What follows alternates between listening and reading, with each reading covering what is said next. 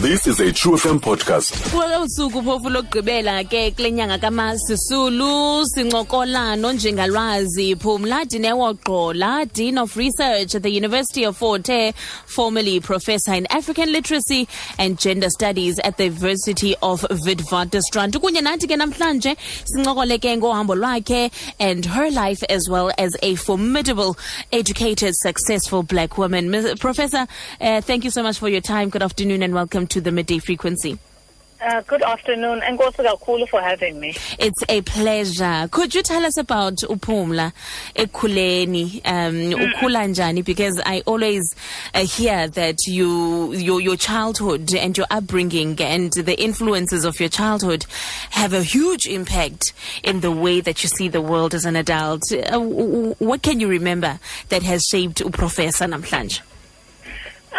Ndiyakhula ndingose Alice. Oh, edikeni. Khulele eDikeni.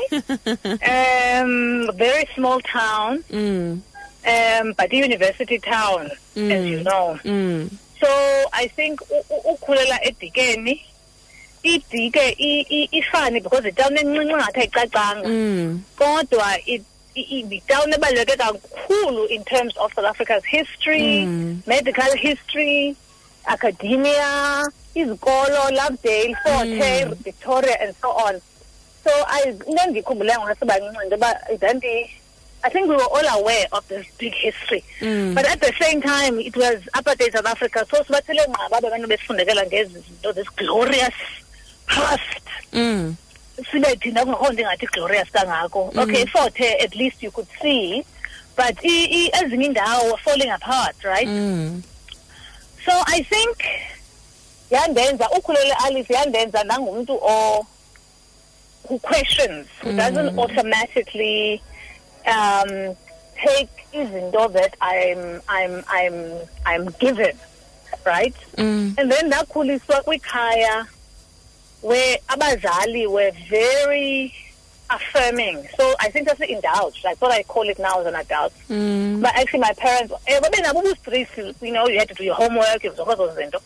But at the same time, I feel like Sasi, we were very affirmed. Mm, We were very affirmed and sasiye kwasithethe. So although the economic you know, it's not like we could do anything. mm, But at the same time, bobabili abazali bethu were quite creative, I think, ngendlela abasifundisa ngayo to speak our minds. mhm. And so I think that ngumuntu omdala before it occurred to me that not everybody cares what I that I have an opinion. Oh. no matter how strong of an opinion you think it is. Eh, but also, of course, I think you know, I, I, I, I what you know that they taught us is indirectly Mhm. is that the opinions have power, right? That so, for example, xa- when you're a woman in the world, many people don't want to know what you have to say. Mm, Um, but ke xa ufu- xa ukhule kuloo environment that affirms you in those ways, you you can't. It's very hard. Umntu xa semdala umxelela into yoba hayi shut up know your place mm, so i think that's a big part of why ndingo- ndingoyiki kukho into ndingazoyiki ezi zinto mhlawumbe sometimes funeka ndimele uba ndiyazoyika okay. All right. So why academia? because i grew up in a university town i think Mm, kwezinye ifamily you know sometimes and my father was an academic wayitisha Okay, in the okay. chemistry department for for his whole career okay. And I think that Mama Ines, I think we wasn't families, the families of the families of of doctors, the families of teachers, Mm. the families of. So I think sometimes I think in my case, that's probably that's probably why. Mm, But it just I was my you know I, one of my parents was an academic, and so it just.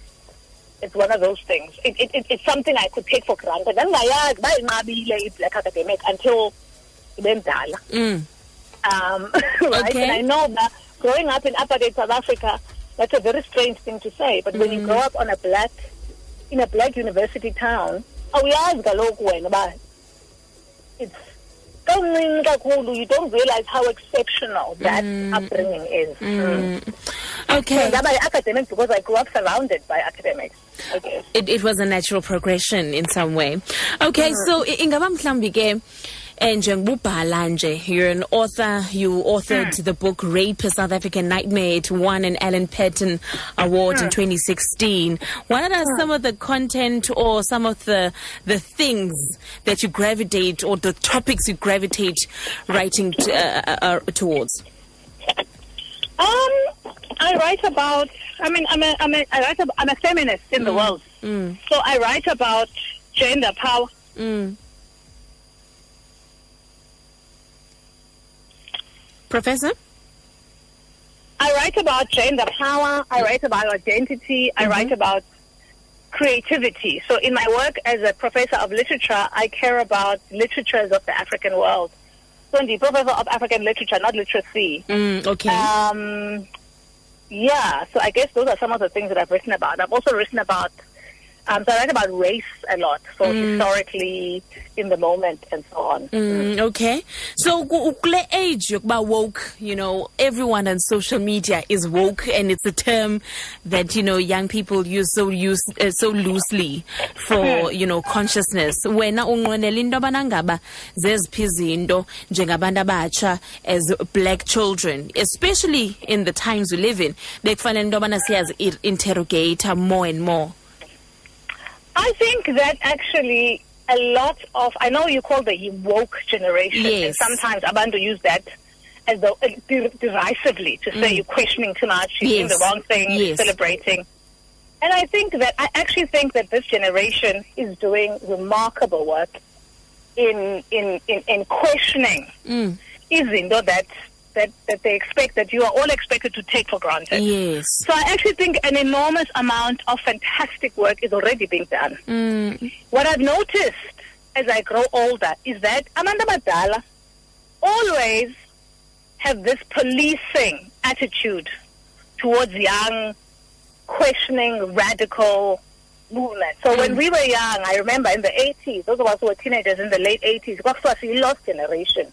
Mm. And so my my I suppose my sense is that you know what let young people do what young people do let them question let them discover let them make their own mistakes there's no movement and there's no era in history where people didn't make mistakes and make up and, and, and mess up and do some silly thing Mm. so let let people do that Mm. and and there's no reason why this generation doesn't do that or shouldn't do that Mm. because ultimately they're human. Mm. Yes, are there are there things that that could be more sophisticated? Eh, but that's why you're young, Mm. right? We all could. We are all a lot more sophisticated and deeper as we get older. Yes.